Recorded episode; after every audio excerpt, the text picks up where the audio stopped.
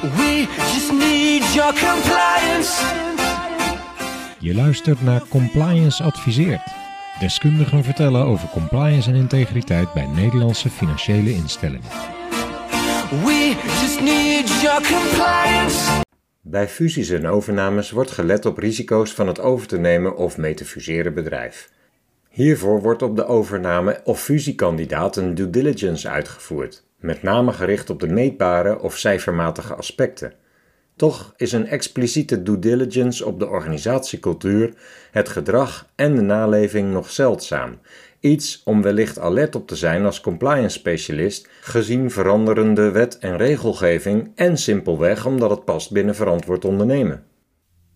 Nathalie Voortman is sinds 2012 zelfstandig organisatieadviseur via Just Business Consulting. Zij richt zich op duurzame organisatieontwikkeling door het versterken van de integere bedrijfsvoering. Hierbij legt zij de focus op de bijdrage van cultuur, gedrag en naleving aan de strategische doelen van de organisatie. Nathalie heeft in 2020 onderzoek gedaan aan de Nijenrode Business University naar de invloedsfactoren van het doen van integriteitscultuur in fusies en overnames. Zij vraagt via diverse publicaties, zoals op mena.nl, chro.nl, in De Jurist en onlangs in Audit Magazine aandacht voor dit belangrijke thema. Welkom Nathalie, dank dat je tijd kon maken voor een bijdrage aan deze podcast. Nou, dank voor je uitnodiging, Erik. Heel goed om hier te zijn. Kun je beginnen iets over jezelf en je achtergrond vertellen? Ja, natuurlijk. Ja, je hebt al heel mooi geïntroduceerd. Nou, ik ben uh, Nathalie Voortman en uh, zoals je al vertelde ben ik zelfstandig organisatieadviseur. Waarbij ik mij richt op de versterking, wat je zegt ook, hè, van integere bedrijfsvoering. Ik ben bedrijfskundig opgeleid, gecertificeerd als uh, privacy professional en in integriteitsmanagement. Mijn achtergrond ligt in de financiële sector. Deze loopt als het ware als een rode draad door mijn werkervaring heen. Ik ben namelijk gestart aan de bureaukant. Uh, marketing voor financiële dienstverleners. Wat bedoel je met bureaukant? Nou, bij echt een, een marketingbureau. Okay. Uh, waar ik specifiek projecten en campagnes uitvoerde voor financiële dienstverleners. Daar kan je denken aan telemarketingtrajecten, maar ook direct mailtrajecten. Dus alles zeg maar om dat te ondersteunen. Daarna ben ik uh, een carrière gestart als marketingverantwoordelijke bij een internationale verzekeraar. En over welke periode hebben we het dan? Dan hebben we het over de periode begin ja, 2000. Hè, okay. Dus 2001 tot met 2004 ongeveer werkte ik bij de verzekeraar. En daarvoor had ik al iets van 6, 7 jaar ervaring in marketing. Mm -hmm. Daarna, dus 2004, ben ik het ondernemerschap ingestapt. Dat betrof een onderneming gespecialiseerd in klantcontact, klantinzicht en klantstrategie. maar ook weer specifiek voor de financiële sector. Dus we hadden ook een eigen WFT-vergunning, een eigen opleidingsacademie. Hè, alles om ervoor te zorgen dat er maximale compliance is. Dus Hm. ik was toen al bezig met integere bedrijfsvoering. Ja. En je kan dan denken aan opdrachtgevers als banken, verzekeraars en pensioenfondsen. Na acht jaar opbouwen volgde er een fusie, maar ook een overname van mijn onderneming. En uh, nou ja, dat was toen ook marktleider van Nederland. Heel gaaf. Nice. Ja, en na mijn exit ben ik als organisatieadviseur aan de slag gegaan. En krijg ik energie van het helpen van organisaties uh, op het gebied van vraagstukken. Verandering rondom cultuur, gedrag en naleving. En dat doe ik inderdaad alweer zo'n tien jaar. Mooie introductie, dankjewel. Dank je. Waaruit bestaan op dit moment jouw dagelijkse werkzaamheden dan? Nou, je kan uh, denken aan het uitvoeren van assessments uh, van de integere bedrijfsvoering, maar ook het identificeren van uh, de sterke en de zwakke kanten binnen die bedrijfsvoering. Maar met name ook advies over inrichting en ehm, ja, de ontwikkeling hiervan. En daarvoor gebruik ik allerlei methodieken, daar gaan we zo meteen over hebben. Maar met name ook self-assessments van de toon het het op, maar ook de integere bedrijfsvoering zelf, hè, dus de ethische cultuur. En ik geef advies in ontwikkeling van integrale ja, integriteitsbenadering. Nou, je zei al dat je in het verleden al naar podcasts van Compliance Adviseert luisterde van ja. die over ethiek gingen. Ja. We gaan het vandaag daar eigenlijk ook weer eens een beetje over hebben. Hè? Leuk. Ja, zeker. Leuk.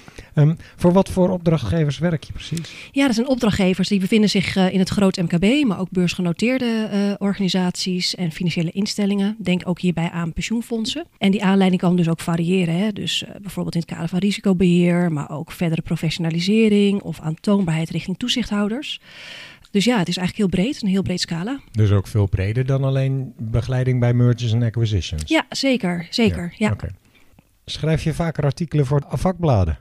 Ja, ja, dat doe ik heel vaak. Want ik vind het ontzettend leuk om aandacht te vragen voor dit thema. Ik vind het een erg belangrijk thema, dus ik publiceer ook heel regelmatig. En met name over mijn uh, vindingen uit mijn uh, onderzoek wat ik voor Nijrode heb gedaan in 2020. En dat ging met name over de, ja, de invloedsfactoren van joh, hè, hoe kan ik er nou voor zorgen dat een bepaalde sector, in dit geval de fusie- en overnamesector, integriteitscultuuronderzoek kan omarmen. Ja, dus ik was echt op zoek naar van joh, welke kenmerken moet nou eigenlijk zo'n cultuuronderzoek hebben om dat te gaan gebruiken. Liep je er tegenaan dat dat nog niet aanwezig was dan? Nee, dat heb ik ook zelf zeg maar in mijn eigen praktijk, zeg maar, om het zo maar te zeggen, heb ik dat ondervonden. En niet zozeer als het gaat om uh, het niet willen doen, maar het is meer een blinde vlek. Mm -hmm. En ik heb natuurlijk zelf ook een fusie en later een overname meegemaakt. En toen heb ik mij verwonderd over het feit dat daar zo weinig aandacht voor was. Want er werd alleen maar naar de financiële cijfertjes gekeken of zo? Ja, de harde kant van de organisatie werd ja. belicht. Hè? En de cultuurkant, het gedrag van de onderneming, ja, daar, uh, ja, dat was eigenlijk, was eigenlijk heel erg onderbelicht. Daar ja. gaan we het verder over hebben. Ja. Waar komt je interesse in integriteitscultuur bij fusies en overnames nou precies vandaan dan? Nou, zoals gezegd heb ik zelf een fusie en later een overname meegemaakt.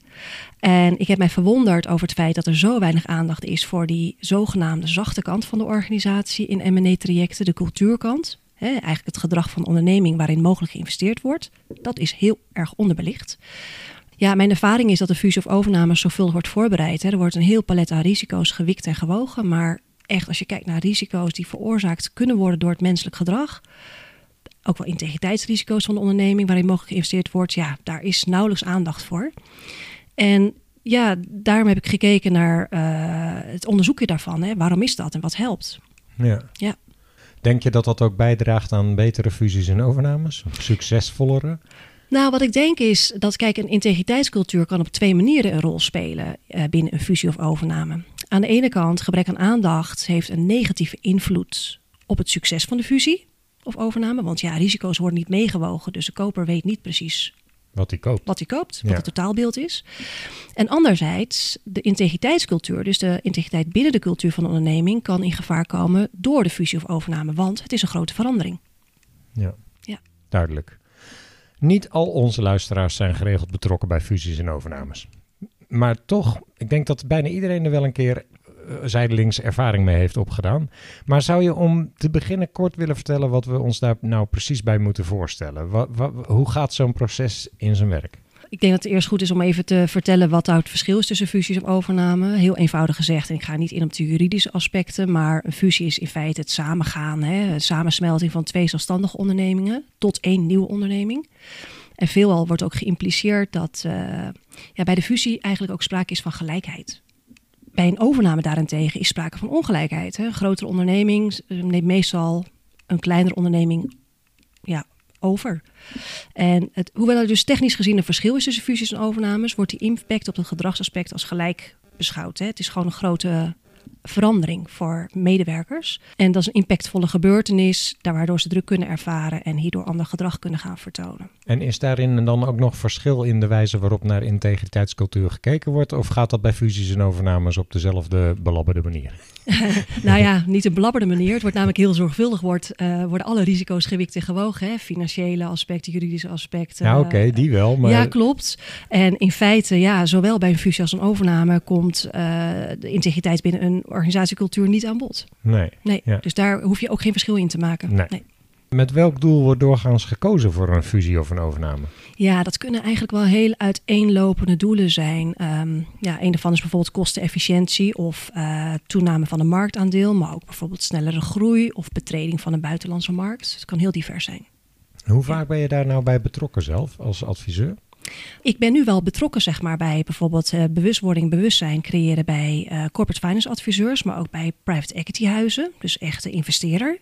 Maar ja, het begint eigenlijk uiteindelijk ook bij jezelf. Dus zorg eerst voor dat je je eigen huis op orde hebt, voordat je dat inderdaad ook kan toepassen. En ik probeer ook inderdaad met die masterclasses die ik dan voornamelijk geef aan deze sector, ja, bewustwording en begripsvorming rondom integriteitscultuur te creëren. Daarmee richt jij je dus niet zozeer echt op de ondernemer zelf die die fusie of overname gaat initiëren, maar op de partijen die dat begeleiden. Exact. Die, juist. Ja, ja. ja. Oké. Okay. Welke interne partijen zijn doorgaans betrokken bij fusies en overnames? Nou, het zijn niet alleen interne partijen, maar het kan ook heel divers zijn. Een beetje afhankelijk van de omvang en de complexiteit uh, van die transactie. Maar ik richt me even tot de belangrijkste deelnemers aan een transactieproces, een fusie- of overnameproces, waar private equity bij betrokken is. Want daar heeft mijn onderzoek zich op gericht. Wil je dan ook nog heel even toelichten uh, wat private equity, wat ik daaronder moet voorstellen? Ja, zeker. Ja, private equity betekent eigenlijk letterlijk privaat vermogen. Um, en private equity zijn eigenlijk lange termijn investeerders, participatiemaatschappijen. En zij investeren in volwassen, niet beursgenoteerde ondernemingen, zogeheten groot MKB. Ja, weet je, private equity is heel belangrijk voor de Nederlandse economie. als je kijkt naar de investeringen die ze gedaan hebben, al meer dan bij duizend Nederlandse bedrijven. En er zijn bij die bedrijven zo'n 400.000 mensen werkzaam, waar uh, private equity bij betrokken is. Dus uh, het is een belangrijke driver van de Nederlandse economie. En ja, die investering geschiet vanuit een fonds, hè, um, waarin het investeren kapitaal bijeengebracht is. Bijvoorbeeld vanuit institutionele beleggers of instellingen zoals pensioenfondsen. Maar ook family offices, vermogende families, hè, die rendement op hun uh, kapitaal nastreven. En door de bedingingen zeg maar, die private equity heeft, hebben ze ook vaak inspraak in de strategie van een onderneming. Niet alleen de financieringsstructuur, maar ze hebben ook een sterke mate van actieve betrokkenheid. En daardoor kunnen we ook sterk sturen op het managen van integriteit. En waardoor er ook waarde kan worden gecreëerd. Dus vandaar ook dat ik deze doelgroep specifiek heb genomen om onderzoek op te doen. Hmm, ja. Oké. Hoe gaat zo'n fusie en overname dan precies in zijn werk, zo'n proces? Ja, wat je net eigenlijk vroeg, hè, de betrokkenen, die zijn ook wel heel belangrijk. Hè? Het zijn niet alleen mensen die intern betrokken zijn, maar er zijn echt een, uh, ja, een heel palet aan verschillende expertises die betrokken zijn bij zo'n transactie. Overigens, private equity kan in dit geval koper zijn, maar kan ook verkoper zijn. Hè, je vraag mhm, was, voor, wie zijn eigenlijk betrokken bij zo'n transactie? Mm nou, dat zijn in ieder geval de verkopende partijen. Dat zijn meestal aandeelhouders van wie de onderneming wordt gekocht. Maar ook managers van de target. Zij zijn heel belangrijk. En met target, target ja. ja. en met target inderdaad, daar bedoel ik mee. Uh, de onderneming waarin mogelijk geïnvesteerd wordt. Ja. Hè? En die managers die hebben een cruciale rol. Ook in het verstrekken van informatie. Je noemt het nu waarin geïnvesteerd wordt. Maar het gaat eigenlijk over een fusie of overname. Dat ja, klinkt uh, alsof je er iets moois mee doet. Maar ja, nou ja, kijk, zoals net gezegd, een fusie of overname heeft beide te maken met um, ja, die verandering, zeg maar, die gaat plaatsvinden. Maar het heeft met name te maken met groei bijvoorbeeld van een organisatie. En dat betekent ook dat erin geïnvesteerd kan gaan worden of moet gaan worden. En vooral bij een overname, ja, dan heb je in feite ook wel inderdaad dat er investeringen, hè, dus echt ja ja. financieren, ja. financieringen en dergelijke worden aangetrokken daarvoor. Dus ik eh, praat inderdaad over investering, maar je kan het ook zien als fusie of overname, zeg maar, op dat vlak. Nou, ja. het is in ieder geval even dat we een beetje de wereld van de fusies en overnames kunnen begrijpen, hoe, de, hoe, de, hoe je daarnaar kijkt. Ja, ja precies. Ja. Maar goed, kijk, die managers die hebben natuurlijk een cruciale rol hè, in informatieverschaffing. Dus zij zijn een hele belangrijke betrokkenen zeg maar, bij zo'n transactie. Heb je het dan over de target weer? De dan heb ik het over target, de, ja. De, managers in het bedrijf wat overgenomen wordt. Ja. Precies, want zij zullen dan informatie moeten gaan verstrekken aan de mogelijke koper ja. of mogelijke investeerder of degene die hen overneemt. En dat kunnen ook wel tegenstrijdige belangen zijn die er kunnen spelen bij zo'n management. Want ja, het belang van de onderneming valt uh, niet per definitie samen met uh, de hoogste verkoopopbrengst voor de aandeelhouder. Nee, er is ook denk ik op dat moment meestal nog niet vastgesteld voor welk bedrag die fusie of Precies. Uh, ja, ja. speelt ja. iets mee. Ja, exact. Nou, een andere belangrijke betrokken partij, dat zijn bijvoorbeeld corporate finance adviseurs. En dan praat ik puur over de private equity hè, kant. Hè. Dat zijn corporate finance adviseurs die adviseren bij het aantrekken van kapitaal. ze identificeren marktkansen voor private equity, de investeerder. Doet ook waardeonderzoek, is ook dealcloser. En betrekken ook specialisten bij een due diligence, dus bij het boekenonderzoek. En dan kan je denken aan bijvoorbeeld M&A-advocaten, maar ook accountants, adviespraktijken. En een hele belangrijke betrokkenen uh, bij een transactie is de bank. Want veelal heeft deze ook een meervoudige rol. Enerzijds kunnen zij als co-investeerder optreden in fondsen. En anderzijds kunnen ze ook verschaffer zijn van vreemd vermogen. Dus bij, uh, in het geval van ja, leningen, ja. bij overnames. Om Ja. de overname te financieren. Ja. Precies, ja. Kun je enkele voorbeelden noemen van een recente merger of een recente acquisition? Nou zeg ik weer de Engelse termen. Laten we het gewoon bij fusie en Een overname houden. Ja. Gaan we doen. Gaan we doen. Nou ja, 2021 werd als recordjaar betiteld. Hè? Alleen al, het eerste half jaar was er sprake van meer dan 55% van uh, overeengekomen fusies en overnames. Maar ja, weet je, fusies en overnames gebeuren veelal onder water. En halen bij lange na niet altijd de publiciteit. Hè? Als je kijkt naar bijvoorbeeld sprekende voorbeelden. Uh, de fusie tussen PostNL en cent. Hè? Dat is nu weer actueel, omdat er mogelijk sprake is van onterecht verleende vergunning tot de fusie hè, vanuit de overheid. Mhm. Maar denk ook bijvoorbeeld aan supermarktketens, eh Dirk en Dekamarkt. Nou, die fusie is inmiddels eh, ontvlochten. Maar ook een, een mogelijke Want die mislukte. Nou, dat is, dat is inderdaad qua toekomst eh, zeg maar niet, eh, niet gelukt. Eh, twee familiebedrijven eh, die inderdaad... eh, ja, Veel private equity ook. nou, dat, dat is niet gezegd. Hè, Is dat bekend vlak. wat daar misging dan? Nou, het heeft voornamelijk te maken met inderdaad de toekomst, die dan toch inderdaad anders voor ogen wordt. is. Ja, Ja. ja. Ja, Weet jij of dat een probleem was met de informatie die er op dat moment bij de due diligence naar boven kwam? Nee, dat weet ik niet. Maar dit is wel weer een voorbeeld van een fusie, zeg maar, die ehm, ja, op, op cultuur, mogelijk op cultuuraspecten, eh, Ja. de eindstreep niet heeft gehaald. Ja. Komt dat nou vaak voor? Dat komt wel heel vaak voor. Ja, dat komt vaak voor. Dus echt wel Ja. iets om serieus bij stil te staan. Dat, dat kost Ja. ook veel geld, denk ik. kost veel geld. En kijk, onderzoeken hebben uitgewezen dat meer dan 75% van fusies en overnames zeg maar, niet het, eh, de synergievoordelen opleveren. En dan praat ik over bijvoorbeeld verhoogde aandeelhouderswaarde. Er wordt ook wel failure rates van 90% genoemd. Waar wordt gewezen naar cultuuraspecten, dat daar te weinig aandacht voor, eh, voor is geweest. Je zou er eigenlijk al bijna niet meer aan willen beginnen. Nou, laten we niet heel erg ontmoedigend zijn. Want als je kijkt naar een succesvolle acquisitie, hè, dan is bijvoorbeeld kleer- kleertjes.com door Weekamp is heel succesvol geweest. Oké, Ja, die- want Weekamp is daar enorm van gegroeid. Dus ja, wat dat er gaat, is dat een, eh, heeft dat zich wel vertaald in waarde. Ja, finan- in ieder geval financiële waarde. ook voor de eigenaren van kleedjes.com. Mogelijk wel. Ja, ja, Ja, ja. ja, Oké. ja. Ehm, maar jij vroeg ook inderdaad wat zo'n proces nou eigenlijk doorgaans inhoudt. Ja. Ja, ja. Want hoe komt de koper nou te weten wat hij koopt?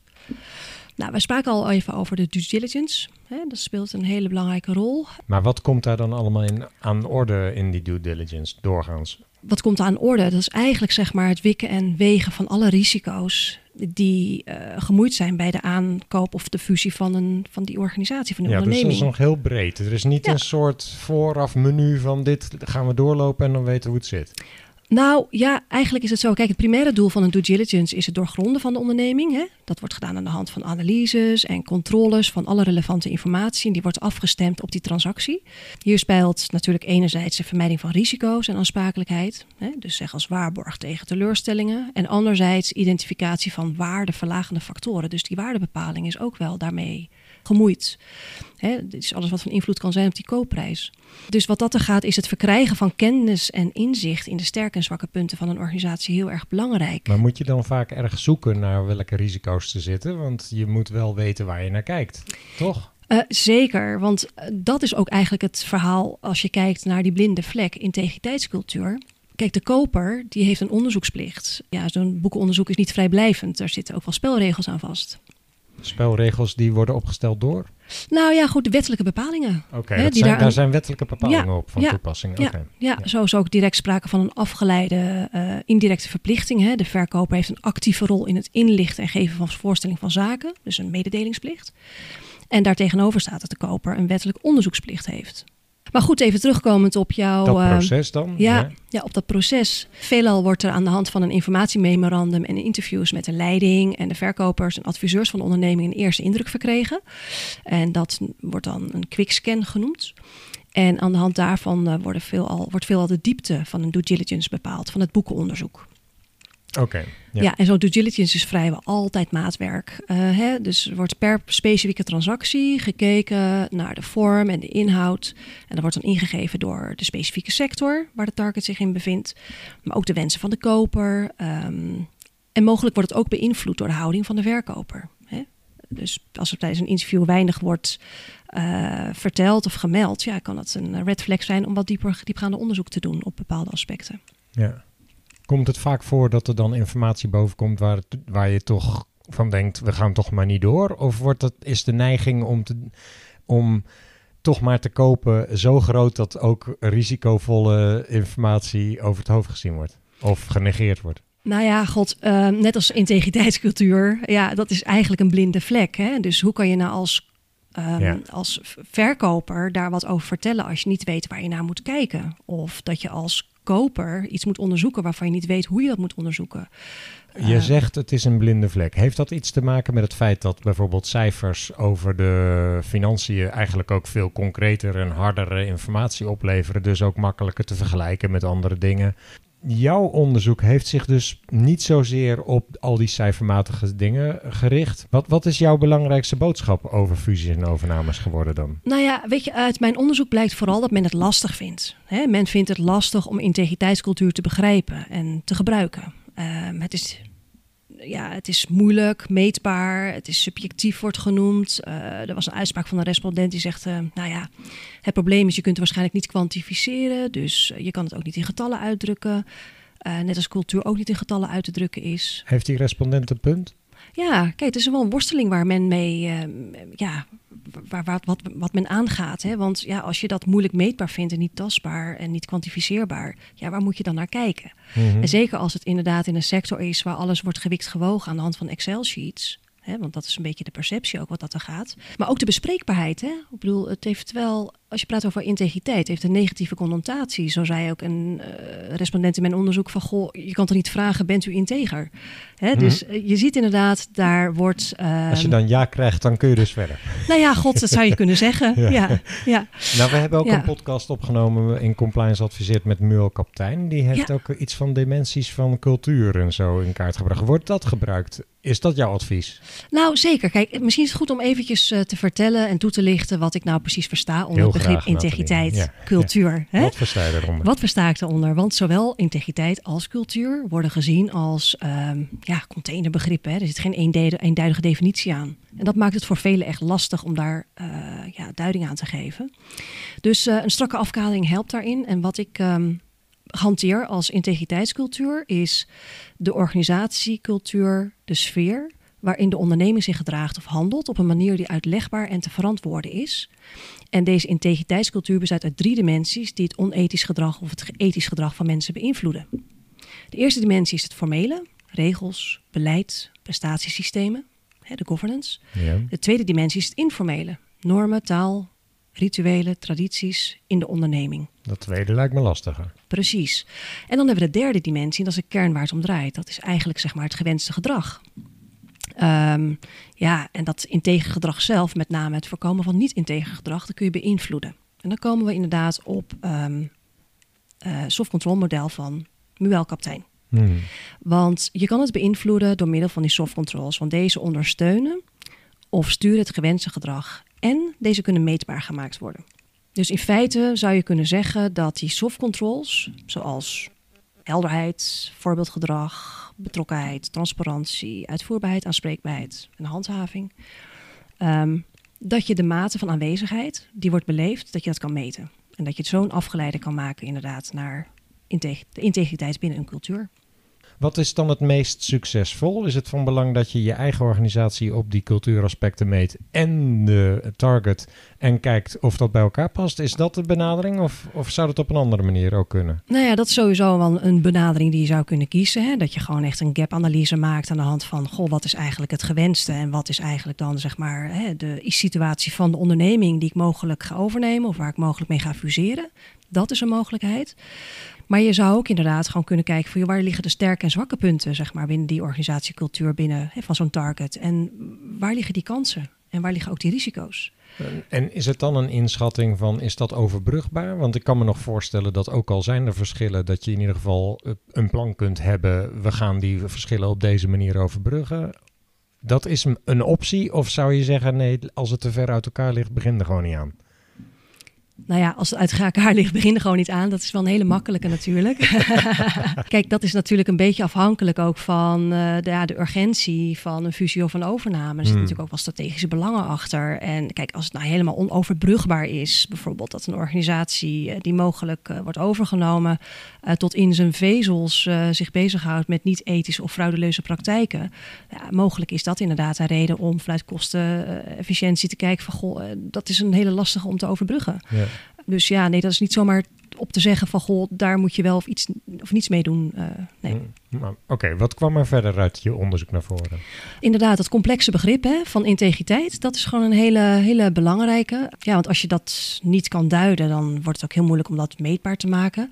Een tweede belemmering is dat eh, de M, ja, ik zeg de M&A-sector, maar de fusie- en overnamesector Mhm. verwacht dat het doen van dat onderzoek naar de integriteit binnen een cultuur heel erg veel werk is. Verwachte moeite wordt natuurlijk ook veroorzaakt doordat men integriteit niet zo goed kan duiden. En als je dat niet als dusdanig herkent, ja, dan verwacht je ook niet dat het meetbaar is. Dus zo zit je een beetje in een cirkeltje.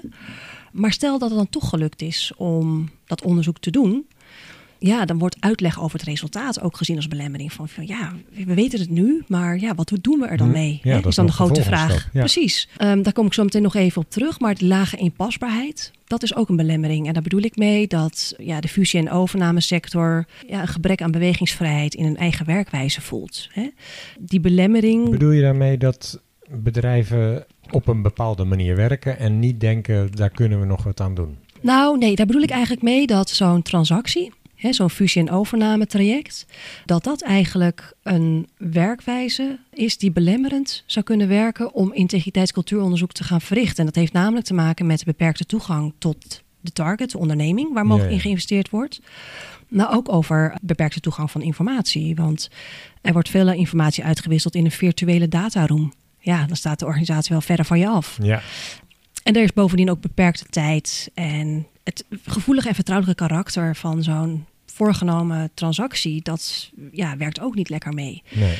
Maar ja, ik, toch, hè, eh, tijdens mijn eh, vindingen van mijn onderzoek heb ik inzicht gekregen dat de sector toch ook eh, ja, het heel belangrijk vindt voor het slagen van een transactie. Dus ze doen wel onderzoek, maar impliciet. Je noemt wel een aantal belemmeringen die ik me heel goed kan voorstellen, die het moeilijk maken om een idee te krijgen over de cultuur of de integriteitscultuur dan Ja. van zo'n. Ehm, denk je dat die belemmering toch weggenomen kan worden? En dat, we, dat je daar als overnemende partij toch goed inzicht in kan krijgen? Ja, dat denk ik zeker. Kijk, kijk, in die sector die is nu al een beetje bezig zeg maar, met het impliciet onderzoeken. Hè. Zonder dat ze het weten, zijn ze er wel mee bezig.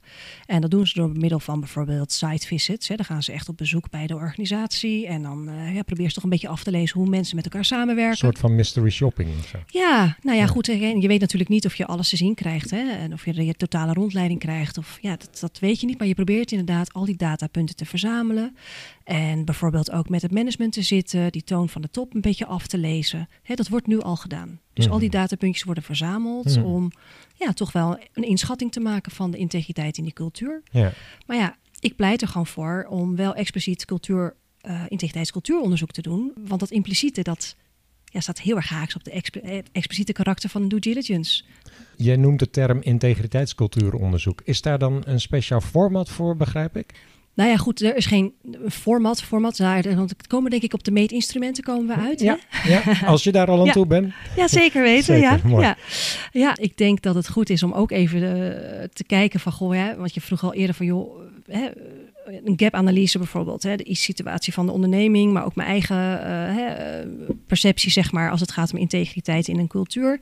Hoe weet je nou of het aansluit hè, bij je wensen? Ja. Nou, ik denk niet zozeer dat een integriteitscultuur moet aansluiten bij je wensen, maar dat het veel meer moet zijn dat je als investeerder of als overnemende partij, eh, dat je ambieert dat het aansluit op je eigen normen en waarden of van je organisatie. Dus dat je inderdaad die twee met elkaar vergelijkt. Als management van een onderneming wil je namelijk streven naar een ethische cultuur. Hè? Dus dat is echt de positieve kant van een integriteitscultuur, dus positieve waarden. En die is veelal afgestemd, of die zou afgestemd moeten zijn, op de missie en visie, dus de purpose van de onderneming. En dat wil zeggen dat die cultuur, ook gedrag en naleving positief bijdragen aan de strategische doelstellingen van de onderneming. Mhm. Nou, en als je dan kijkt naar de integriteitscultuur, die definitie waar we net over spraken, hè, waarbij het informele, dus de cultuur, en het formele, de structuur, elkaar versterken. Ja, dan kan ik ook wel wat voorbeelden geven aan de hand van mijn denkkader. Misschien is dat wel even, even handig. Ja. Kijk, als je dan kijkt naar die informele dimensie, die cultuur, daar spelen kernwaarden een hele belangrijke rol. Die geven namelijk richting aan die organisatiecultuur. En het zelflerend vermogen wordt gestimuleerd door bijvoorbeeld dialoog over integriteit met ketenpartners, maar ook eh, het juiste voorbeeldgedrag van, eh, van het bestuur. Of dat wordt voortgele- voortgeleefd door leidinggevenden en bestuur, dat is wel van belang. Mhm. Dit zijn wat voorbeelden en instrumenten, zeg maar, die de normen, de taal, de rituelen en tradities kunnen beïnvloeden. Dus het is van belang om daarnaar te kijken. En dan die tweede dimensie, dat is die formele dimensie. Ja, dat zijn eigenlijk de begrenzingen waarbinnen je eh, je werkzaamheden zou moeten verrichten. En dan betekent dus de geldende wet en regelgeving dat je die naleeft. En dat je ook kijkt naar de uitvoerbaarheid van het werk. Of dat wordt ondersteund door de juiste processen. Bijvoorbeeld vier ogen principes of die zijn ingeregeld. Maar ook juiste handhaving en beloning. En dan komen we weer op een soft control uit. Hè? eh, van gewenst of ongewenst gedrag. En dat dat juist wordt toegepast. Eh, maar ook dat je controlemiddelen op orde hebt. Hè? De, de diagnostische kant van de, van de organisatie en de hefbomen daarvoor hebt ingeregeld. Ja. Want dan kun je monitoren, plannen en bijsturen. Daaronder valt bijvoorbeeld ook het expliciet meten van de integriteit binnen een cultuur. Daar ligt wel vaak weer een rol voor compliance, denk ik ook, of niet? Ja, Eh, zeker. Ja. ja. Want er zijn ook eh, meetinstrumenten gewoon beschikbaar. En eh, dat is bijvoorbeeld belevingsmonitor integriteit. En dat is onderdeel van eh, een ontwikkelmodel voor organisatie-integriteit. En dat is eh, het CIO-kader, Stimuleringskader Integere Organisatie. SEO dan. Ja, CIO. Ja, precies. Ja, en deze belevingsmonitor, ja, dat is eigenlijk een survey die veelvuldig wordt ingezet bij de publieke en ook de private sector. En het doel is het meten van de reflectie. Die kun je dus ook gebruiken om voor de fusie of overname te meten of het goed zit. Ja, klopt. klopt. Ja. Dat zou je gewoon kunnen inzetten zonder dat daar een schijn is van dat er sprake mogelijk is van een overname of een fusie. Ja, Nou zat ik te denken, want ik ben, ik ben daar niet zo heel erg eh, ehm, ervaren nog in. Veel bedrijven zullen het zeggen, ik vind duurzaamheid heel belangrijk. Nou, Ja. dat is dan hun waarde. Ja. Heb ik daar voldoende aan? Hoe kom ik dan achter hoe dat beleefd wordt, hoe dat werkelijk geïmplementeerd is binnen zo'n bedrijf, dat dat echt leeft? Ja, nou ja, kijk, duurzaamheid is een heel mooi begrip. maar Het is ook weer zo'n containerbegrip om het zo maar te benoemen. Maar wat belangrijk is, dat een kernwaarde wordt geoperationaliseerd naar dagdagelijks handelen van medewerkers.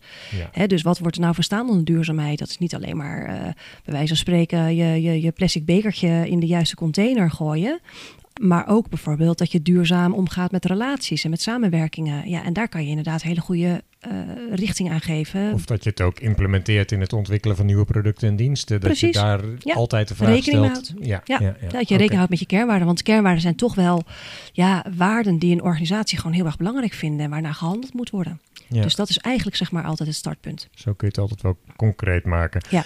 Dus we hebben het nu gehad over hoe je de integriteitscultuur kunt onderzoeken. Ja.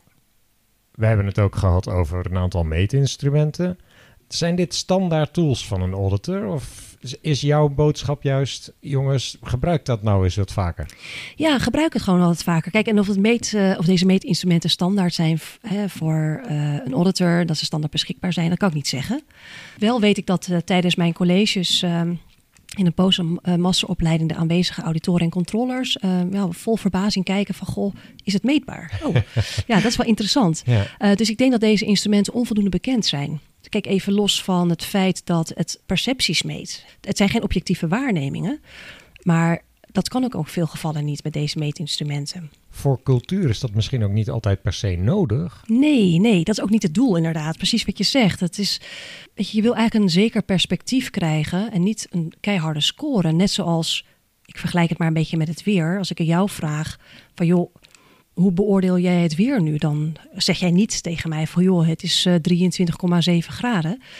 Maar je geeft aan van joh, of er een koude wind draait, dat ik een jasje aan moet doen, of dat aangenaam warm is. Ja, en dat is nou het inzicht van die survey. Die geeft ook die beleving van die integriteit in de cultuur weer op die manier. Ja, ik kan me ook nog voorstellen dat iets met de instelling van de mensen te maken heeft. Als je het eens bent over waar je heen wilt, dan vind je wel een manier samen. Maar als de een eigenlijk zegt duurzaamheid interesseert me niet en de ander wel, dan heb je echt een probleem. Is dat waar je naar op zoek bent? Eh, niet alleen dat, mm, maar ik denk dat je inderdaad daar wel iets raakt. Want wat onderdeel is van ook zo'n meetinstrument, is niet alleen maar het zoeken naar de mate van aanwezigheid of afwezigheid van die soft controls, bijvoorbeeld helderheid en voorbeeldgedrag. Maar er wordt ook aanvullend gevraagd naar, zou ik zeggen, de gepercipieerde frequenties van integriteitsschendingen en ook die morele aanvaardbaarheid.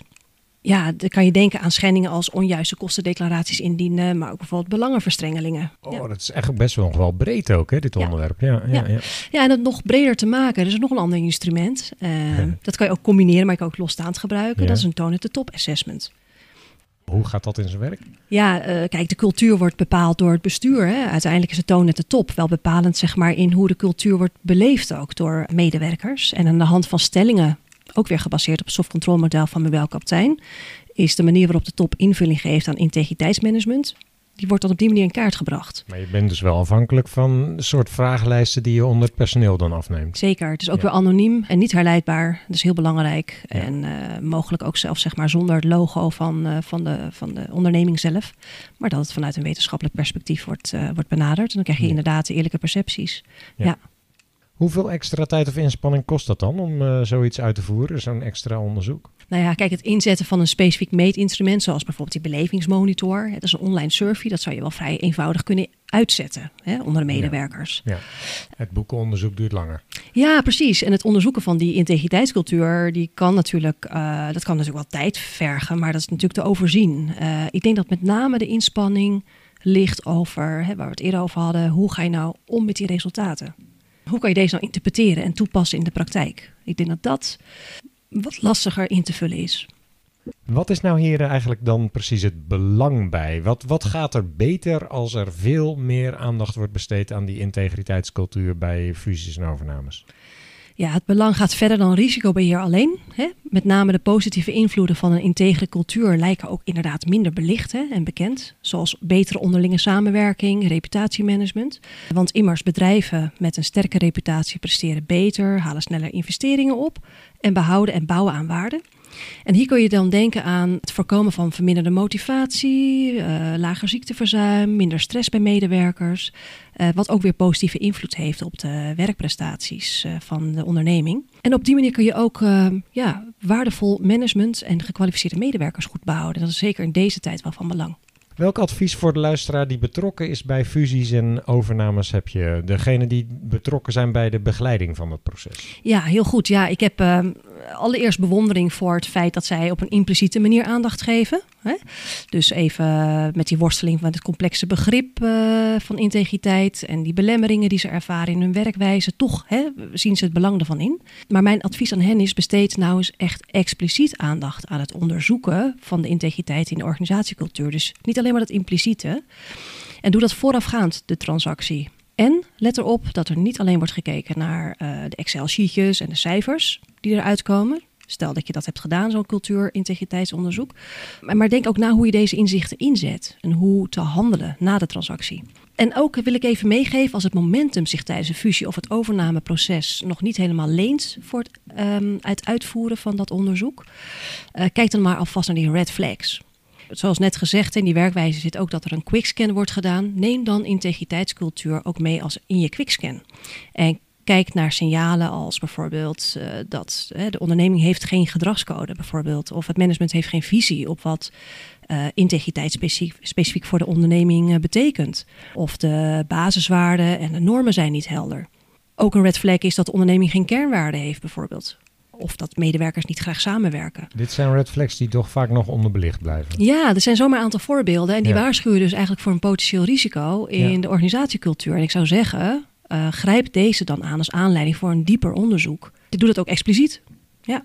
We hebben het er al over gehad dat het soms ook een uitdaging kan zijn om de informatie die je krijgt uit zo'n integriteitscultuuronderzoek te interpreteren. Ja. Is het van belang voor zo'n auditor om er een echt gevoel bij te krijgen in plaats van alleen maar naar de cijfers te kijken? Dat je. Ja. Ja. Kun je daarop afgaan? Is dat iets wat, wat gebruikt wordt in de praktijk? Nou ja, god, weet je, een, een survey, hè, dat is dus eigenlijk de kwantitatieve manier van Precies. het onderzoeken van zo'n, van, van zo'n ethische kant van de cultuur. Dat geeft natuurlijk wel weer of het inderdaad koud of warm is, wat ik al zei. Alleen je wil weten wat dat nou heeft veroorzaakt. Dus hè, interviews, aanvullende interviews met medewerkers, uh, met andere stakeholders en andere betrokkenen, ja, die zijn wel van belang om Ja. daar betekenis aan te geven. Het is echt iets kwalitatiefs. Je, je wilt er een gevoel bij krijgen in plaats van dat je alleen maar naar de cijfertjes zit te kijken. Ja, het gaat echt om, dus, om, om uh, ja, wat zit er achter die cijfers? En Ja. waarom is het koud? En waar komt dat precies vandaan? En je Ja. kan wel uh, relaties leggen, zeg maar, ten aanzien van bijvoorbeeld uh, dat er weinig vertrouwen is binnen een organisatie, omdat de stellingen dat aangeven. Maar ja, waar komt dat, waar komt dat door? Nou maken Ja. we deze podcast natuurlijk vooral voor compliance professionals. Voor hen heb jij ook nog een advies, heb je me beloofd. Ja, dat klopt inderdaad. Ja, ja, ja, ja. ik vind het heel fijn om, uh, om even ook mijn advies ook te richten aan de compliance officers en auditoren uh, onder de luisteraars. En het gaat natuurlijk over de rol van integriteitscultuur binnen jouw eigen organisatie. Want uh, mijn advies is of er nou wel of geen fusie of overname speelt. Integriteitscultuur is voor iedere onderneming of instelling van belang. Hè, waardecreatie, reputatiemanagement, maar ook risicomanagement. Dus ik zou voorstellen, zoek binnen jouw organisatie dialoog op. Uh, met name over de waarde van aandacht voor integriteitscultuur. En kijk samen met de eerste lijn waar je elkaar kunt versterken in het faciliteren van die integre cultuur. je zou bijvoorbeeld als auditor een voorbeeldrol kunnen pakken door de dialoog over integriteitscultuur te starten. Ja, hoe kan je dat doen? Door bijvoorbeeld integriteitscultuur eerst grijpbaar te maken. Dus doe een nulmeting aan de hand van de belevingsmonitor waar we het net over, over hadden, Mhm. of een toon at de top meting.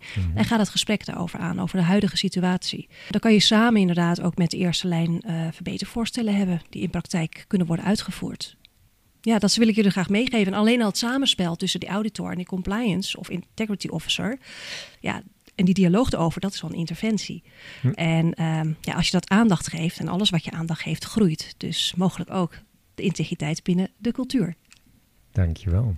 En ja, tot slot los natuurlijk van jouw boodschap dat de integriteitscultuur meer aandacht zou moeten hebben bij fusies en overnames. Zie jij nog andere eh, wijzigingen, veranderingen in de wereld van de fusies en overnames voor de korte termijn? Nou ja, goed, kijk, de roep om maatschappelijk verantwoord en duurzaam te ondernemen van de investeringswereld is natuurlijk enorm groot. Hè? Dat noemen ze ook wel responsible investment. Zo dwingt eh, Europese regelgeving ook ondernemingen om transparant en volwaardig te rapporteren hè, over prestaties op het gebied van bijvoorbeeld ESG. Ja. Hè, dus environmental, social, en governance, governance. Ja. dus eigenlijk de, de, ja, de leefomgeving, de maatschappij en het goed bestuur. En die criteria die worden voor investeerders echt doorslaggevend in het wel of niet beschikbaar stellen van kapitaal. Dus ja, ik verwacht dat deze ontwikkeling zeker een drijvende kracht gaat eh, worden achter het groeiende belang in de aantoonbaarheid van, eh, van goed bestuur. Hoe hangen integriteitscultuuronderzoek bij fusies en overnames samen met die ESG-doelstellingen? Zouden, zouden die ESG-rapportages bij kunnen dragen aan een betere fusie en overname? Nou ja, kijk, als je kijkt naar, naar eh, de criteria zeg maar, die onder governance vallen, dat is eh, het goed bestuur. Dat is niet alleen maar de hard controls eh, die ingeregeld moeten zijn. Maar ook die zachte kant van de organisatiecultuur, daar wordt binnen het ESG-beleid ook wel aandacht voor gevraagd. Ja. Eh, dan kan je denken aan bedrijfsethische aspecten. Dus echt specifiek cultuur, gedrag en naleving. Ja. Ja. Nou, Oké, dus daar zit wel een kans. Ja, zit zeker een kans. Ja. ja. Nou, aardig om te vermelden vast. Binnenkort ga ik een eh, podcast ook opnemen over eh, SFDR en over eh, Juist. Transparency. Nou, ik weet niet meer hoe dat heette, maar dat gaan we straks in die podcast dan horen. Deze podcast is hiermee, wat mij betreft, eh, pas tot een eind. Als jij ook nog verteld hebt wat je nog aan eh, advies voor de compliance professional hebt in het algemeen. Dus niet zozeer op dit vlak, maar gewoon wat is het beste advies wat jij wel eens zelf hebt gehad in je, in je werk? Nou, mijn best, best advies dat ik ooit heb gekregen is don't judge a book on its cover. Dus kijk dan verder inderdaad naar wat je inderdaad eh, aangereikt krijgt. Maar ga ook in gesprek, eh, ga de dialoog aan en ga op zoek naar wat er achter die harde kaft zit. Hartelijk dank voor je enorm mooie bijdrage aan deze podcast, eh, Nathalie. En heel veel succes bij Just Business Consulting. Heel graag gedaan Erik en veel dank voor dit goede gesprek met elkaar. Compliance. We just need your compliance. Je luistert naar Compliance Adviseert. Deskundigen vertellen over compliance en integriteit bij Nederlandse financiële instellingen. We just need your compliance.